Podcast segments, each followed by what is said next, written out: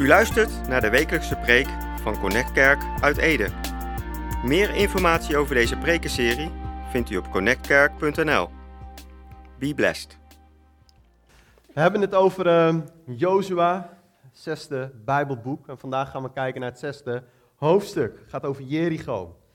Als je het hebt over preken, heb je verschillende soorten preken. Ik ga jullie alvast waarschuwen. Je hebt zeg maar wat pastorale preken, hartstikke mooi.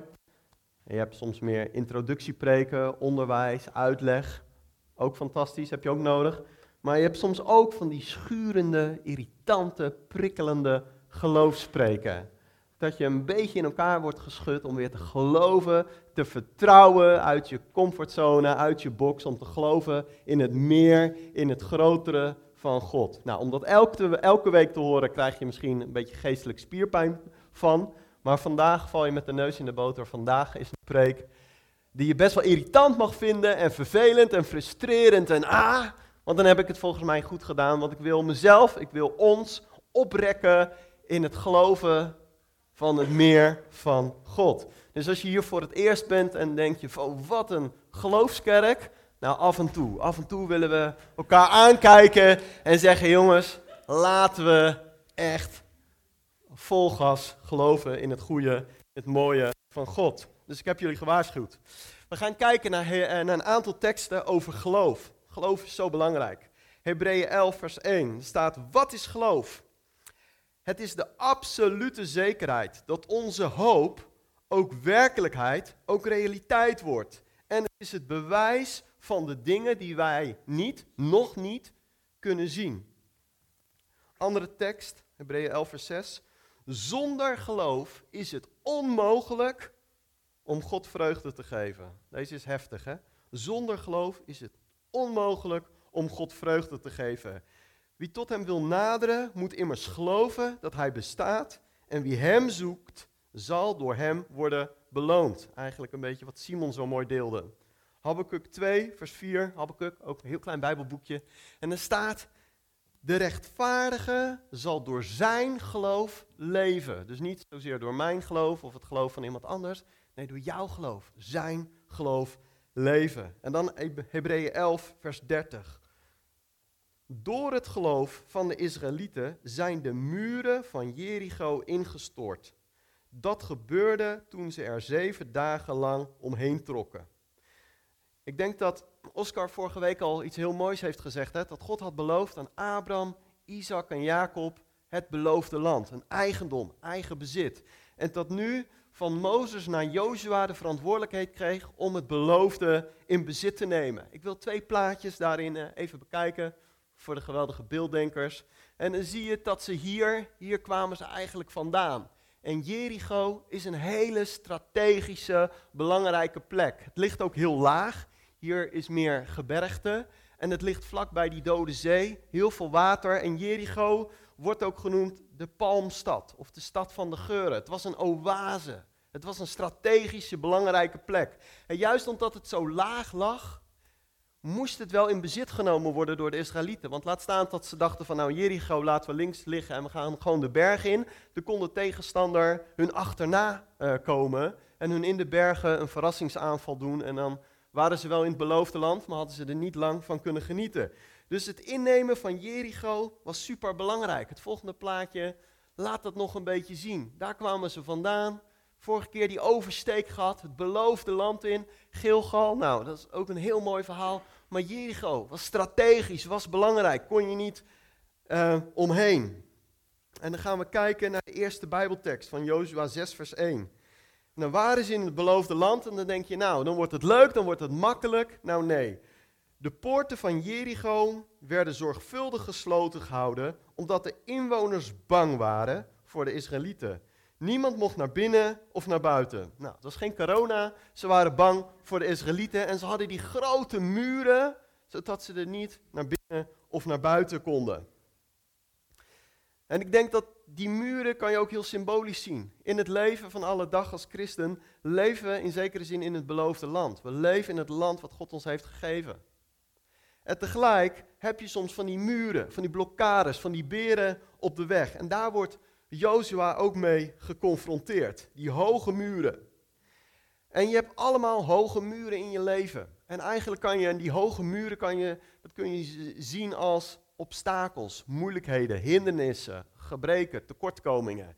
En eigenlijk kan je daar op twee manieren naar kijken. Soms, en dan doe ik even mijn hulpverleningspastorale petje op. Voor de mensen die mij kennen, ik ben hulpverlener in het dagelijks leven. Soms is het dat je bepaalde situaties mag accepteren. En soms zijn er situaties dat God zegt, ik wil leren dat je ermee om moet gaan. Voor mezelf, misschien een heel zielig voorbeeld, maar toen ik tien jaar geleden erachter kwam dat ik een bril moest dragen, vond ik dat echt verschrikkelijk. Echt verschrikkelijk. Elke Bijbeltekst dat Jezus een blinde genas heb ik gelezen, geproclameerd. Uh, uh, mijn handen op laten leggen, uh, gezalfd, uh, nou nog net niet gespuugd, weet je. Alles gedaan, weggestuurd, niet mijn ogen, maar de, de zwakte van mijn ogen. Omdat ik dacht van ja, ik wil een man van geloof zijn. En ik heb me altijd geïrriteerd aan die genezingsbedienaren die dan fantastische wonderen en tekenen deden, maar zelf een bril droegen. En ik dacht ja, je hebt het natuurlijk niet in de hand, maar het, is niet echt congruent. Ik wil wel een beetje consequent. Moest ik zelf een bril dragen? Ik zei, nee heer, dat kan niet. Hoe kan ik nou zeggen, hemel op aarde, maar ik heb wel mijn bril nodig. En dat is niet handig. Ik dacht, ik wil het niet accepteren. Ik, u bent voor mij gestorven. En de streamen. Op een gegeven moment zei God van, misschien is het een idee dat je gewoon begint te danken. Of dat je een bril kan kopen. Ik denk, oh ja. En toen zei ik, oké heer, ik wil gewoon leren. En te danken, dank u wel voor brillen, voor dingen, voor glazen, geweldig. Nog steeds stiekem af en toe bid ik, of als er een genezingsdienst is, dan zeg ik, Heer, ik ben het niet vergeten, ik hoop u ook niet, en misschien komt het nog een keer goed. Maar dat is zo'n muur, zo'n blokkade van omgaan met, accepteren van. Maar is het niet zo dat wij soms het te makkelijk de logische oplossing vinden? Dat het gemakzuchtig soms kan zijn dat je denkt van nou, die muren, die obstakel, die beren op het weg, het is zoals het is. Dat je denkt van nou, dus je kijkt naar die muur, die grote muur van Jericho in jouw leven en je denkt ja joh, het is gewoon onmogelijk. En die muur, misschien kunnen we er even naar kijken, het volgende plaatje. Uh, even kijken. Ja, die muur, die kan ook spreken. Eigenlijk heeft die muur in je stem ook een leven. Dat je denkt, ik ben die muur die zegt, ik ben zo sterk. Ik ben zo krachtig. Ik ben zo machtig. Hier kom je nooit overheen. Hier breek je nooit door. Ik kan nooit verandering. Kijk eens hoe groot ik ben en hoe klein jij bent. Die muur in je leven kan spreken. En ik weet niet wat jouw muur is. Wat is jouw obstakel? Misschien een situatie met je gezondheid. Een situatie met je baan. Een, een, een, een, een, situatie met je emoties. Een relationeel met je familie. Een andere situatie. Dat je denkt, die muur is zo hoog, daar kom ik nooit, nooit doorheen. Ik kampeer maar buiten en uh, daar is ook leuk. En dan kan het gebeuren dat God opeens begint te spreken over die muur. Dat God zegt van jij accepteert die muur, maar die muur, daar wil ik wat mee. Ik wil hem slopen. En um, nog één voorbeeldje. Mijn vrouw en ik hebben heel lang in een heel klein flatje gewoond. En uh, we deden ons best om daar uit te komen en te verhuizen. We hadden gesprekken met, uh, met van die financiële mannetjes en makelaars die er allemaal verstand van hebben. Ik helemaal niet. En eigenlijk, uh, mijn baan was net kapot gegaan. nou, waar we ook aanklopten, het was helemaal onmogelijk. Het kon niet. Het kon niet. Kon niet verhuizen. Onze flat stond heel erg onder water. We moesten het natuurlijke accepteren. Weet je, we konden nooit weg. Het, het lukte niet. Ook familie konden tot een bepaalde gradatie helpen, maar niet het geld en de middelen die we nodig hadden. En op een gegeven moment was ik zo'n beetje, ja, ik, ik, ik was staan te accepteren. Ik zeg, nou ja, het kan altijd slechter, niet ideaal, kinderen met z'n tweeën in een heel klein stapelbedje, maar het is zoals het is. Tot ik opeens ergens aan het fietsen was en opeens sprak God over de situatie. En eigenlijk vond ik dat heel irritant dat God me een opdracht gaf. Ik denk, ja, dan moet ik hem gaan geloven en gaan vertrouwen. Dus ik deelde dat met Vera en toen dacht ik, ik doe dat alleen niet zozeer omdat ik geloof dat het uitkomt, maar ik wil niet ongehoorzaam zijn.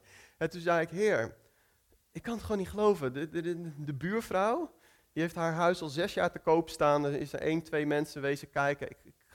Ik, geloof het gewoon niet. Ik geloof het gewoon niet. Ik kan zo lekker eerlijk met God praten. En dat God zegt, ja, maar er is een vader, die gaat het kopen voor zijn dochter.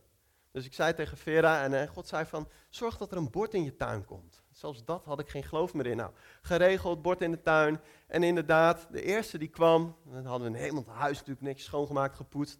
Een, een, een, vader die het zou kopen voor zijn dochter. En dan heb je ook zoiets van, um, oké, dit is het. En die persoon zei nee. En toen zei ik, nou, we gaan niet verder schoonmaken tot er weer een vader komt die het koopt voor zijn dochter. En inderdaad, bij de vierde keer een vader die het kocht voor zijn dochter. En we hebben een hele goede prijs voor gekregen en we konden verhuizen naar een fantastisch huis. Maar het was, ik had die muur in mijn leven, in mijn denken geaccepteerd. Het is zoals het is en we kijken over vijf jaar wel weer. En dan God begint te spreken over die muur en je begint te schudden en uit te dagen geloof. Geloof voor het meer, geloof voor het andere. En uh, dan gaan we kijken naar de tweede tekst. En dan zegt God tegen Jozua eigenlijk iets heel, um, iets heel irritants misschien, vers 2. Daar staat, toen zei de Heer tegen Jozua, zie, zie, ik heb Jericho met zijn koning en zijn strijdbare helden in uw handen gegeven. Nou, dat zie in het Hebreeuws is ra. Dat is eigenlijk iets van begrijp het, pak het, snap het, geloof het. Dus Joshua moest niet kijken met natuurlijke ogen, maar die moest anders kijken naar de situatie. Hij zegt, ik heb je de koning en zijn soldaten in je handen gegeven. En dan zie je, en dan kijk je naar die muur, en dan zie je daar de koning, misschien wel Joshua en al die soldaten. En denk je, heer, waar heeft u het over? Ik snap het niet, ik begrijp het niet, ik weet niet waar u het over heeft. Tegenstanders in mijn handen, waar dan? Hoe dan? En God daagt Jozua uit om te gaan staan in geloof. Jozua, geloof mij. Jij kan het niet, maar ik kan het wel. Vertrouw mij, geloof mij. De vijand is onder je voeten. Je hebt de vijand verslagen. Je hebt de overwinning. In het natuurlijke nog niet. Maar het is al gebeurd. God is anders in de tijd, in een andere realiteit. Het is gebeurd. En dan gaan we kijken naar vers 3. Daar staat, dan zegt Jozua van hoe krijgen we dan wat u beloofd heeft? In de realiteit. Hoe gaat het gebeuren? U zegt dat wonder is al gebeurd en het wonder is in een natuurlijke onderweg, maar hoe dan? Wat moeten we doen? Hoe mogen we gehoorzamen? Hoe mogen we afstemmen met u? En dan zegt God het volgende tegen Jozua. Uw leger moet zes dagen lang, één keer per dag, om de stad, ongeveer een uurtje, heen trekken. Gevolgd door de zeven priesters die voor de ark uitlopen en ieder een ramshoorn dragen. Op de zevende dag moet u zevenmaal rond de stad trekken, terwijl de priesters op een ramshoorn blazen. Josia beval het volk, er moet volledige stilte in acht genomen worden. Laat niemand zijn mond open doen tot ik zeg tegen u, juichen en juich dan. Nou, hoe krijg je de muren naar beneden? Leuke vraag, goede vraag, Jozua. Dus hij geloofde het wel, maar zegt: Heer, hoe kunnen we samenwerken? Hoe kunnen we partnerschap hebben met, met, met, met u? En dat is ook waar jij misschien tegenaan loopt, de muur. Vraag aan God, bid aan God: Heer, hoe mag ik partneren, overeenstemmen, samenwerken met u? En dan zegt God iets heel vreemds, iets heel onlogisch, iets heel aparts. Iets wat niet zo strategisch is. Namelijk eromheen lopen. En misschien hadden ze gedacht, bouw ladders, bouw een stormram midden in de nacht, een soort trampoline en dan spionnen erover. Nee, nee, zegt God, van ga eromheen lopen. En weet je, God kan eigenlijk op twee manieren heel zwart-wit, ik hou soms van heel zwart-wit, op twee manieren spreken. Soms echt heel vreemd, heel raar, heel onlogisch. Nou, toets dan, maar God kan zo spreken. En het is natuurlijk niet altijd zo hoe vreemder en gekker, hoe meer van God. Die mensen zijn ook, hoe meer en gekker het is, hoe meer het is van God. Nee, dat is altijd niet zo. Want de andere kant is soms ook waar, hè? dat God zo normaal spreekt.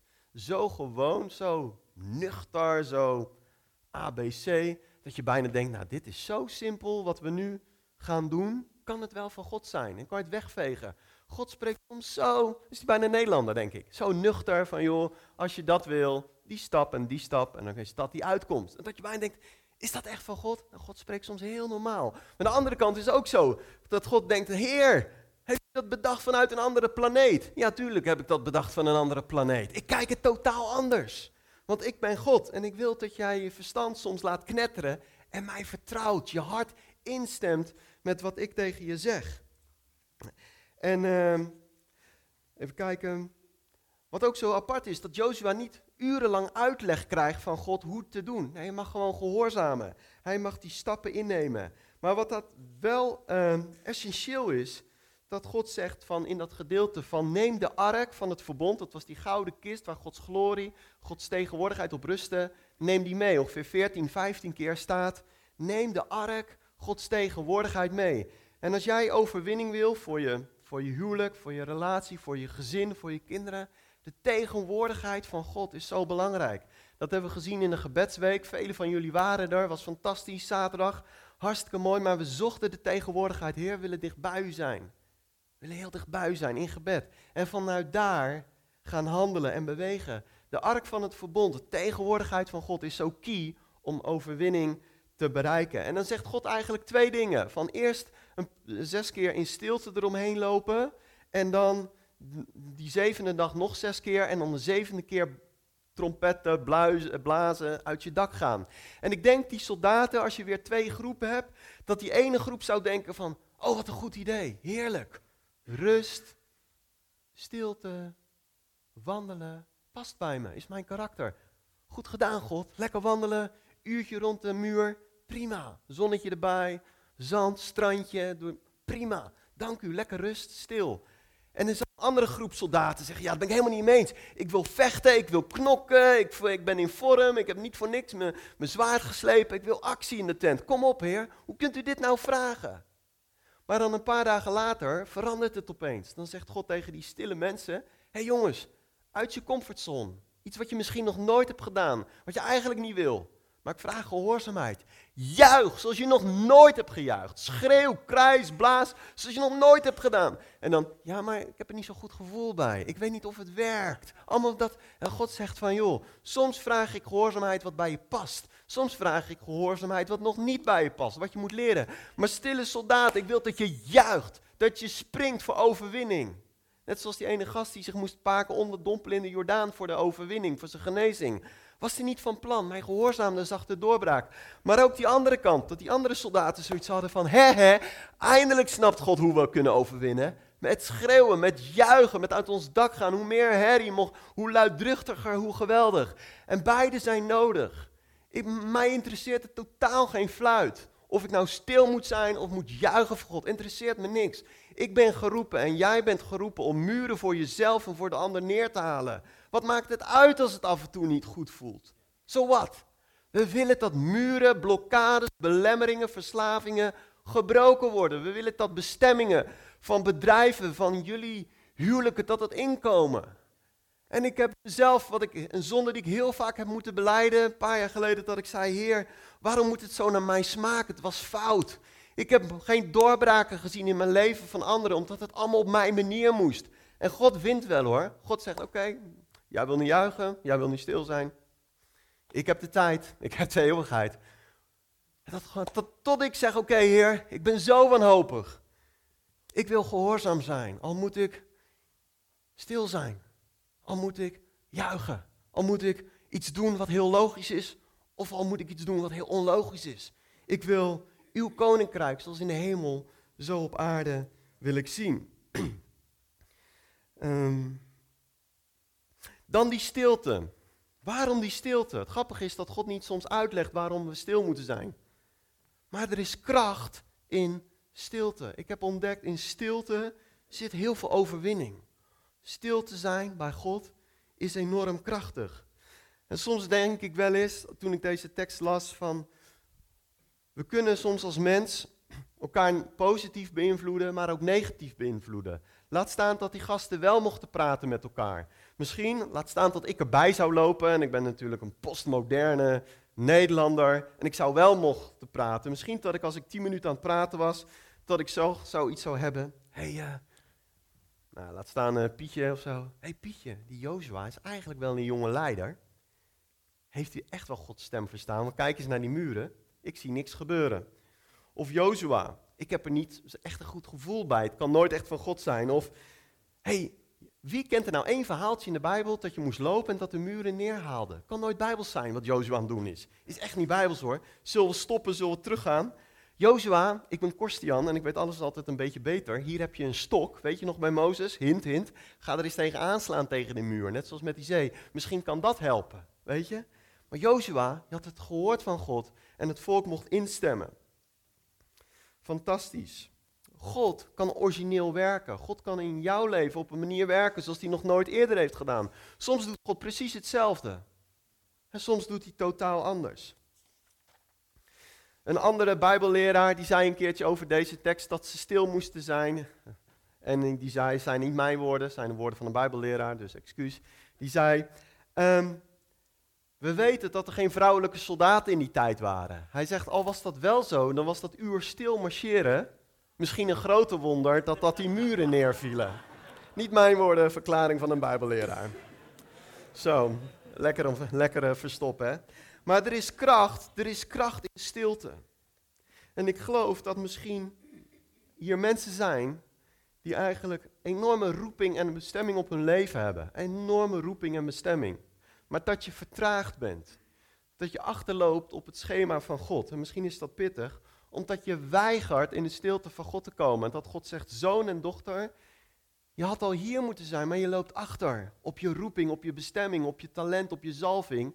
Maar ga de stilte in zoeken. Ga de stilte in zoeken. Misschien een weekend in het klooster of iets anders. Zoek de stilte op en zoek mij. Wees stil en weet dat ik God ben. Kom in de stilte. Gaan we naar het volgende plaatje. We slaan er gezien de tijd uh, wat over. Dan gaan we naar een spelletje van Tetris. Ik weet niet of uh, jullie dat spelletje nog kennen en of er uh, spelletjesfreaks zijn hier. Spelletje Tetris. Nou, voor de, voor de jonge generatie die dat misschien niet kent, dan had je, als je hier dan dezelfde kleur had, laat staan dat dit allemaal geel was, dan bam, dan plopte dat zo weg. Wie kent Tetris nog eventjes? Tegen, ah, nog best wel veel, dat is best wel leuk, voel ik me niet zo alleen. Uh, maar dat Tetris, zou niet eerlijker zijn als God eigenlijk ook een beetje aan Tetris had gedaan met die gasten van Israël? Wat ik bedoel, laat staan dat die, dat die, dat die uh, muren ongeveer 20 meter hoog waren. En als ze dan een rondje hadden gelopen en ze waren weer terug, dat God even een knipoogje gaf. Dat God even bemoedigde en zei, nou jongens, jullie hebben één rondje gelopen van die muur van 20 meter, twee meter eraf, bovenaan, en dan, jij, we hebt het goed gedaan. Ja, dan heb je zin in morgen. Weet je, als God aan Tetris doet van, hé, hey, je hebt ervoor gebeden, je hebt ervoor gevast, je bent uitgestapt. Bam, twee meter eraf. Iedereen zichtbaar, eh, Jozua blij. En soms kan God zo werken, dat hij een beetje aan Tetris doet. Dat je een stap maakt en dat je al in het natuurlijke ziet van, hé, hey, ik ben erbij. Je bent goed op weg, je bent bemoedigd. Dat je die muur twee meter naar beneden ziet. Maar God is God. En soms doet hij niet aan Tetris. Vind ik heel vervelend. Vind ik echt heel vervelend. Dan zeg je, heer, doe aan Tetris. Ik heb niet zoveel geloof. Laat die muur gewoon twee meter zakken en de volgende week weer. En de volgende keer doet hij niet altijd. Misschien omdat als die muur dan op vijf meter was, dat opeens die tegenstanders door, eroverheen konden springen en een verrassingsaanval doen. We weten niet, maar we geloven wat we net gezongen hebben. Geweldige tijd van de winning, dat God aan die andere kant bezig is. Dat hij aan de andere kant voor ons aan het strijden is en werkt.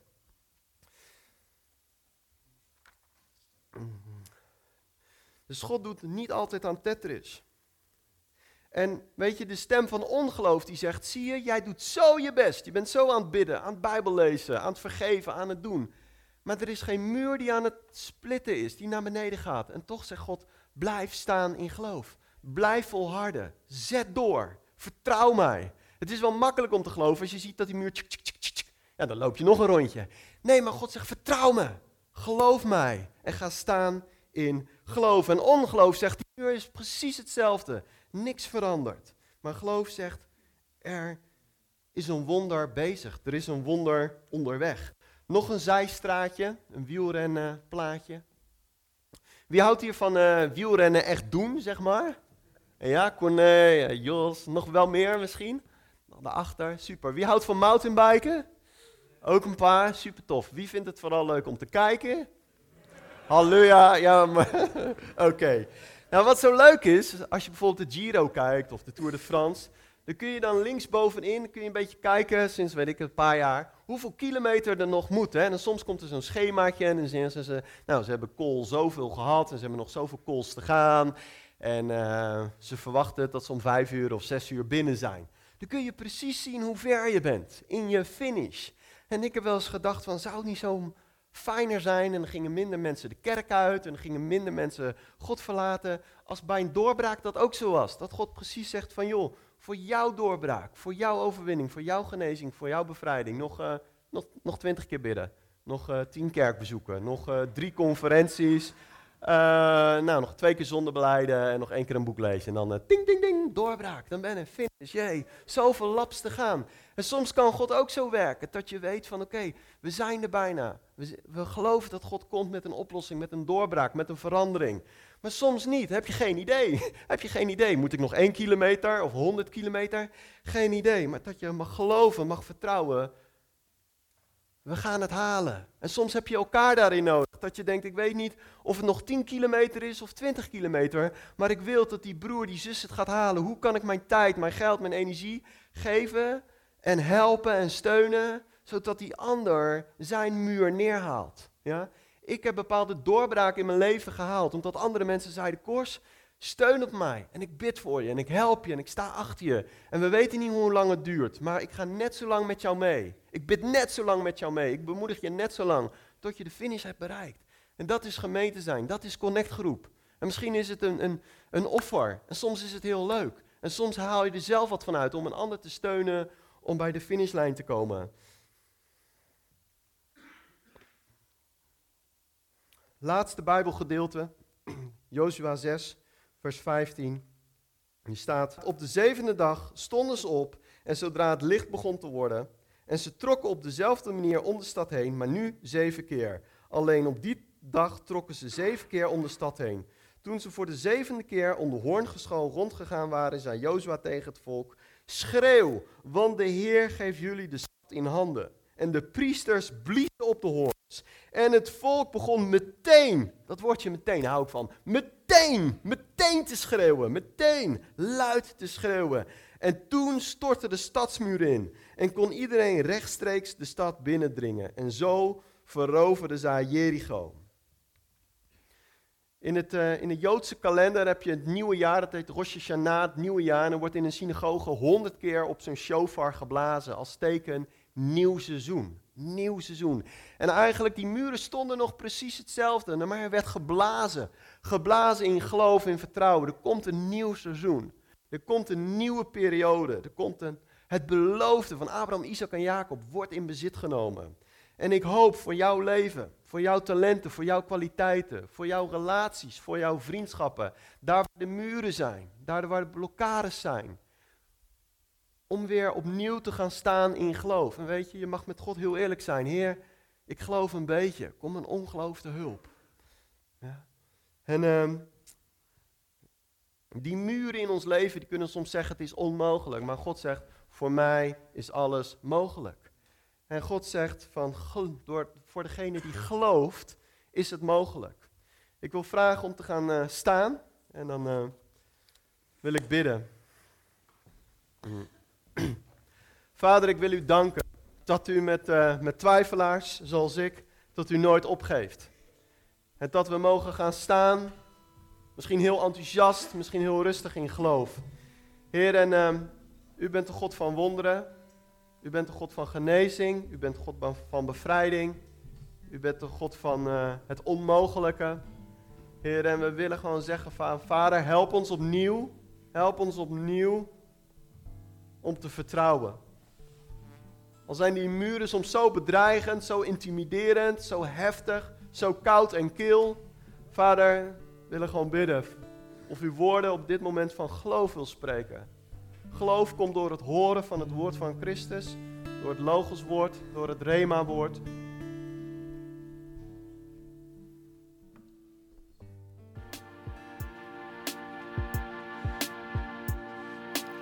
U luisterde naar de wekelijkse preek van Connect Kerk uit Ede. Meer informatie over deze gemeente en alle preken over dit thema vindt u op connectkerk.nl of bezoek onze Facebookpagina. Bedankt voor het luisteren en wees tot zegen.